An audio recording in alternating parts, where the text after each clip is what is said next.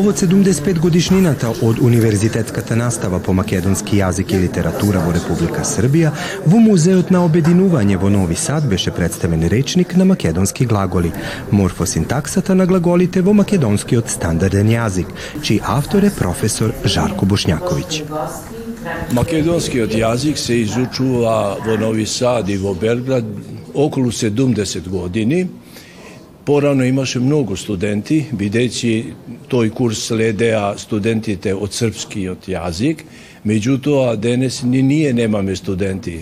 20-30 студенти имаме, така да сега има околу 15-20 студенти кои следат курс по македонскиот јазик. За сето тоа време имавме само една хрестоматија направена, составена во Нови Сад и една во Белград и јас потоа направих една хрестоматија со граматика дадена во табели како еден преглед, концисен преглед. Меѓутоа немавме граматика на српски јазик. И сега се одлучав одлучив да направам е, граматика е, на македонскиот, ама напишана на српскиот јазик.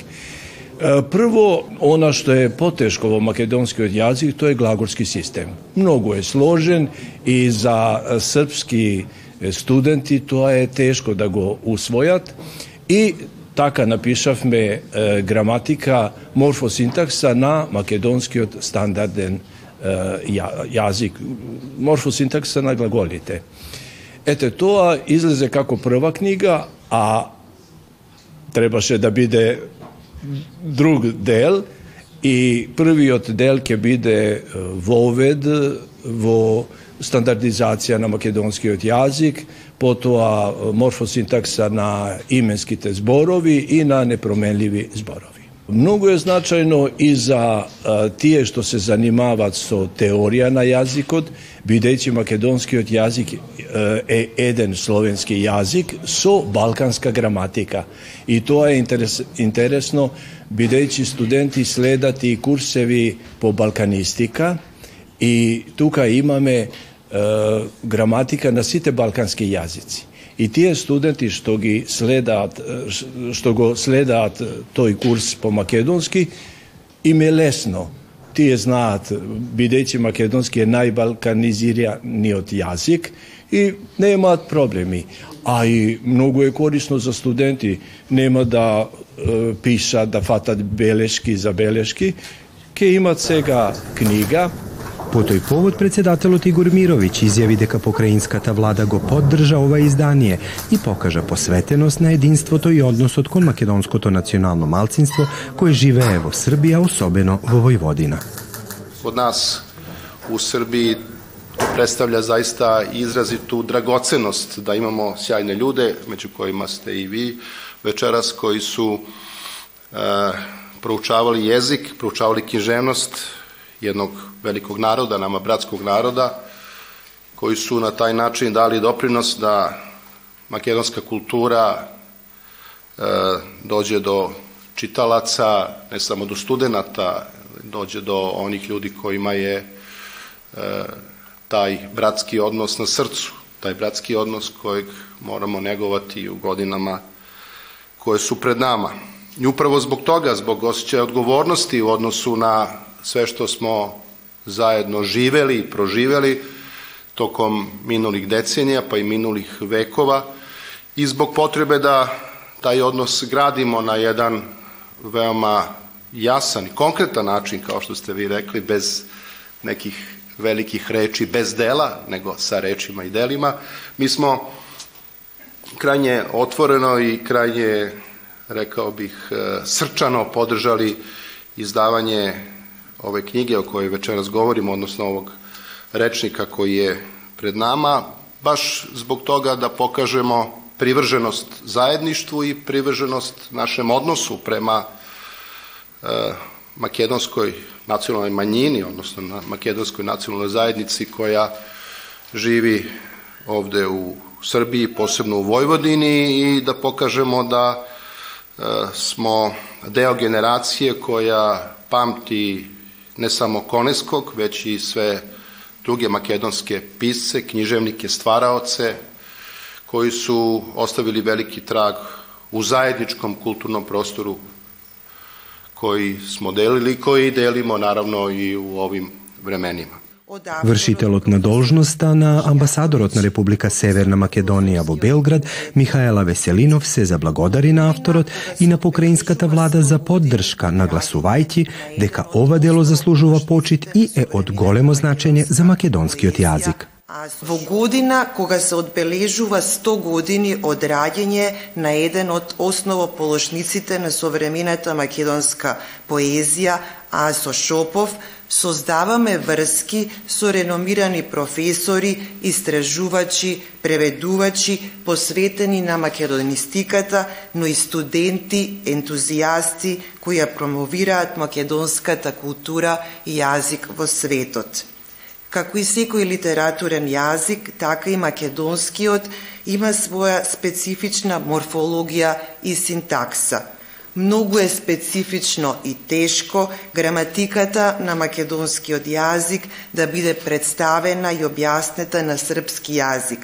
Затоа овој проект на професорот Бошњаковиќ заслужува посебна почит и посебно признание за неговата заложба и труд за едно вакво издание во представување на сложената глаголска промена во македонскиот јазик ова дело дополнително ќе збогати палетата не само за академската фела, но и да ја користат како посебен вид на учебник и помагало студентите на Универзитетот во Нови Сад кои го изучуваат македонскиот јазик, но и за сите останати кои сакаат да имаат повеќе сознанија за оваа материја. Председателот на Националниот совет на Македонското национално малцинство во Република Србија, Борче Величковски, изјави дека ова е капитален проект кој ќе го подигне нивото на универзитетското изучување на македонскиот јазик. Негде на пролет минатата година, пред минатата година, а, дојдовме на еден состанок со премиерот на Аутона покрајна Војводина, каде што разговаравме за потребите и што е она што можеме да го направиме да се македонците во Република Србија а, на некој начин испромовираат на најквалитетен а, може начин. Кажавме неколку елементи, неколку идеи, меѓу кои бе, беше и а, еден ваков речник. Ние предходно ги имавме сите договори со авторот, професорот Жарко Бошњаковиќ од филозофскиот филолошки факултет во при универзитетот овде во Нови Сад. Во таа насока бевме подготвени. Господинот премиер Мировиќ апсолутно ја препозна оваа потреба, како потреба македонците да го чуваат својот и зачуваат својот јазик, не само во основите, не само во основното и средното училиште, веќе и на еден универзитетски или факултетски ниво. А, од реченото до стореното, еве, денеска по прв пат промоција на едно капитално, сепак ќе кажем, а, издание, еден капитален, а, една капитална случка и се надевам дека нема на ова да се задржиме, веќе имаме разговори и со професорот Бошњаковиќ, меѓутоа и со други а, автори и од катедрите на македонски а, јазик во а, Ниш, но и со некои автори од Белград, секако и овде од Универзитетот во Нови Сад, да ја зајакнеме таа понуда а, за да го доближиме македонскиот јазик не само до македонците, веќе до сите они што сакаат да го учат. Автори на речникот се Националниот совет на Македонското национално малцинство во Република Србија, новинско-издавачката установа Македонски информативен и издавачки центар од Панчево, Филозофскиот факултет на Универзитетот во Нови Сад и Архивот на Војводина. Jedna od glavnih stvari koja determiniše rad nacionalne zajednice kao tako jeste da artikulišemo potrebe naših pripadnika ovde u Republici Srbije, obrazovanje kao takvo jeste jedna, kao što ste rekli, fundamentalna tačka i s tim u vezi mi smo se okrenuli da pokušamo da je za sebe ostavimo neki trag, odnosno da damo neki doprinos ili ako hoćete da nas to stavimo i kandidamo neke teme koje su u ovom trenutku od posebnog značaja. E, namerno neću još uvek da uđem u priču to će nadam se biti tokom ove godine, pokreće se po ko zna koji put tema Uh, koja su koja je velika ili teme koje su velike, da li imamo lektorat, hoćemo li imati lektorat na makedonskom jeziku i tako dalje. Međutim, da bismo došli jedan korak do toga, mi moramo učiniti nekoliko malih koraka koji će nas dovesti ka jednom velikom cilju. Jedan od takvih jeste e, da prosto pronađemo ljude koji su spremni, voljni i ono što je najvažnije, koji su umešni, odnosno stručni, da u punom kapacitetu daju doprinos realizaciji tako velikih tema. Učbenik, kao što ste čuli od profesora, ovo je jedan prvi deo, mi očekujemo nastavak, a jedna velika ideja ka kojoj mi idemo, ali to je u pitanju, ponavljam, projekat koji je višegodišnji, koji je zaista multi, multi složen. E, to je izdanje makedonskog rečnika kao takoga u, na, u našem dakle, izdanju i sa našim stručnjacima, tako da prosto, eto, to su koraci ka kojima idemo. На промоцијата на речникот на македонски глаголи присуствуваа покраинскиот секретар за култура, јавно информирање и односи со верските заедници Драгана Милошевиќ и директорот на архивот на Војводина Небојша Кузмановиќ. Гледате палету. Избор из емисија на језицима национални заедница.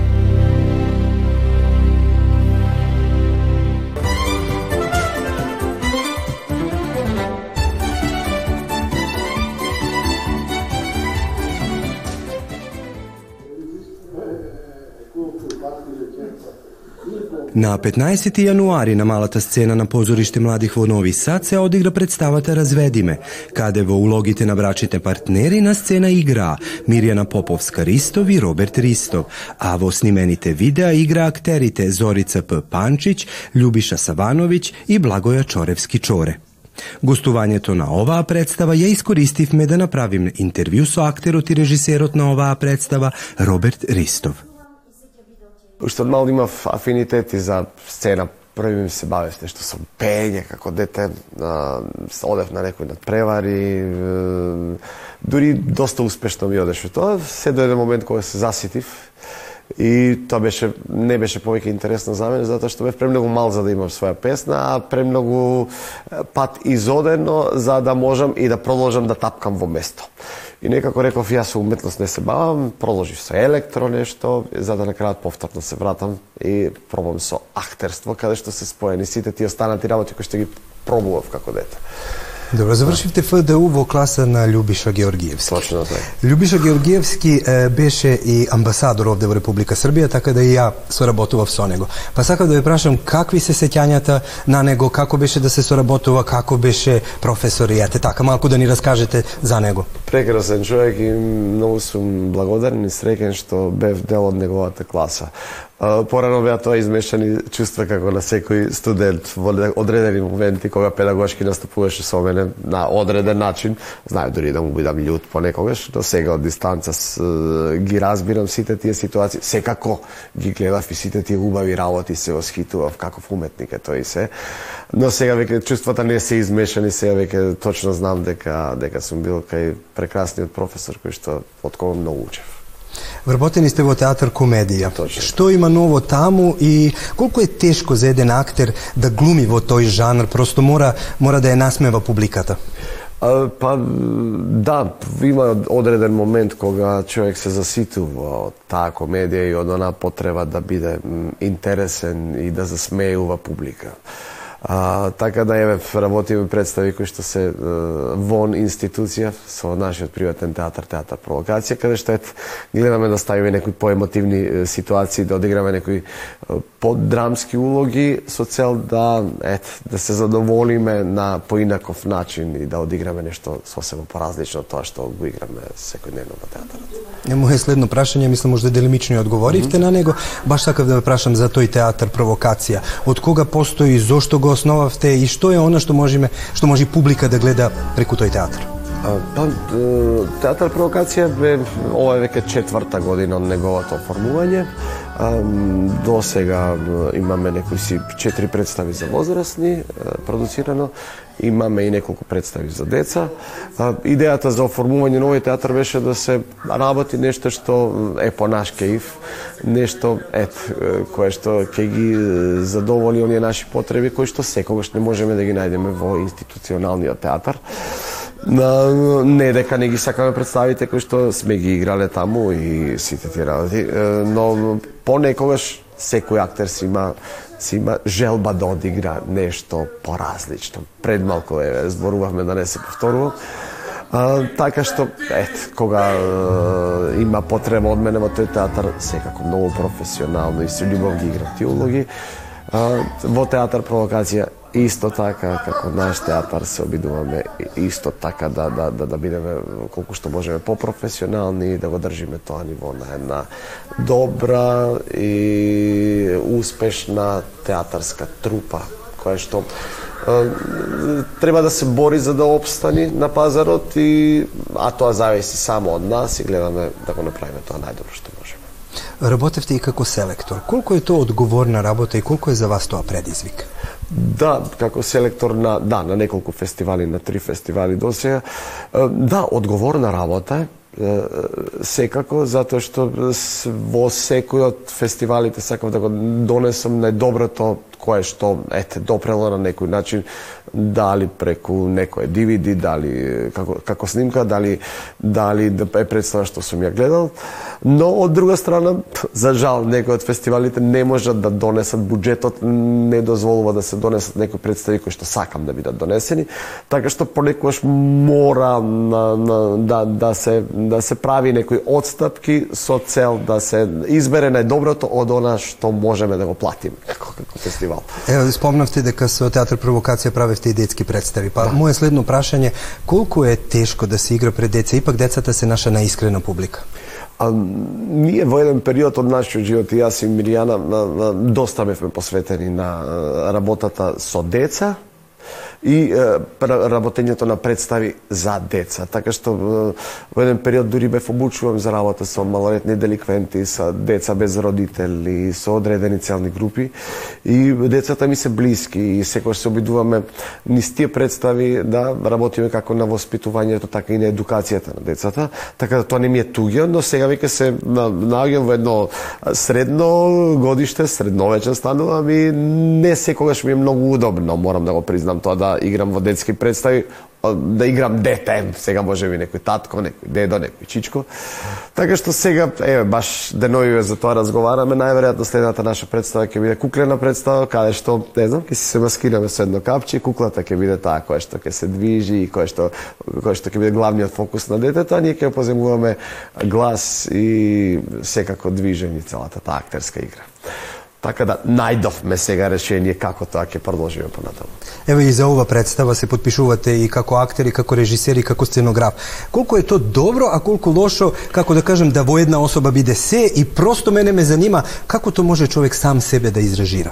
А, ма, многу е тешко, но и јас не би сакал никогаш тоа да го правам во мојот живот, но понекогаш кога, кога ќе недостасува буџет или кога ќе имате скромни средства за буџет за одредена представа, и ние сме принудени како театарски трупи да го правиме и тоа не дека сакаме, туку принудени сме, мораме во дадената ситуација. И ако за една представа е потребно, не знам, два месеци работа како не знам како како на, на самиот лик или како режисер, овде е потребно малку повеќе, барем 3 3 пол месеци да се работи за да може да се дојде до саканиот резултат или може би не знам во едното ќе се омане па улогата може би ќе блесне дури после трета, четврта изведба, бидејќи фокусот е секогаш први на целата представа, па потоа јас себе си како актер. Така да се од ова би избегнал, би се бавил само со едно од тие работи а сакам и едно и друго. Пред неколку години магистрирав на режија, така да режијата исто многу ме привлекува како како една професија, како еден начин на изразување. Го сакам и тоа да го работам, но не би го оставил за ништо и актерството, така да малку сум поделен на, во, во, во, во двете сфери работевте и на телевизија и на филм, али јас сакам, пошто сме сега во диаспора, овде многу се интересни македонски народни приказни, а имате учество и во ними, па сакам да ми кажете колку е значајно преку македонски народни приказни да ја зачуваме македонската историја, култура, етнографија и сето тоа. Па и јас мислам дека не джабе се направени тие и не џабе ги сакаат и не джабе се, се, се дават многу често тие приказни.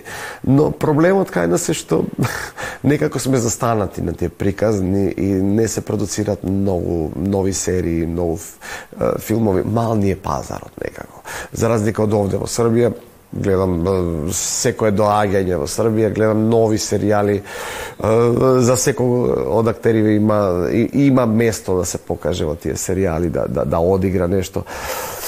А, така што се надам дека во брзо време ќе се промени кај нас. Еве сега во моментов почнува серијал Бистра вода, се случува нов, едва чекам да го видам, имам таму некоја улога.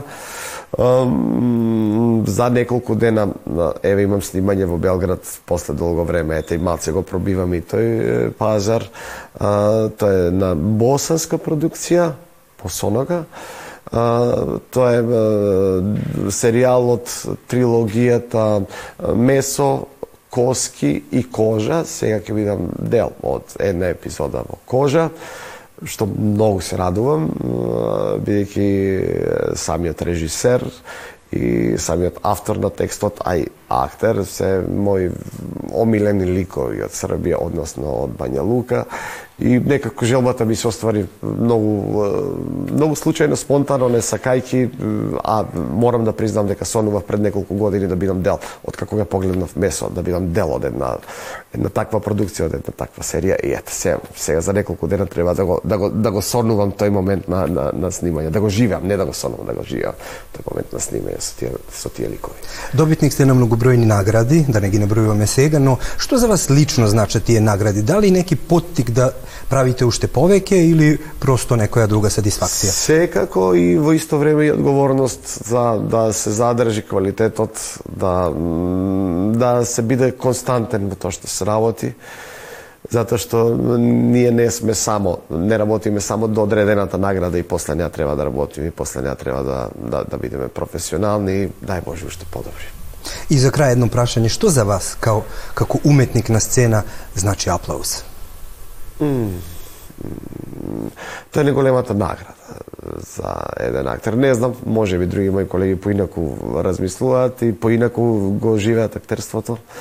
Но јас се уште сум на тоа ниво кога за мене најголемата награда е аплаузот. Многу често се нафаќам, еве да не биде тоа една некоја антиреклама за мене или да ме научат каков таков дека дека работам за без пари, но кога ќе видам добро сценарио, знам да влезам во во проект кој што е без буџет заради тој квалитет на проектот, знам да влезам, не знам, да, да одиграм представа пред малку публика и да бидам задоволен од тој аплауз и да немам многу голема заработка или да прошетам некаде само за, за пато да добијам некакви средства и за да битно ми е да се одигра, да се прошета, да се покаже својата уметност, да се добие тој аплауз на крај, да, да, да се прокомуницира со, со публиката, да се случи таа комуникација. то, то се уште ми е важно и најверојатно никош нема да се промени. Ви благодарам многу за време. Благодарам и јас.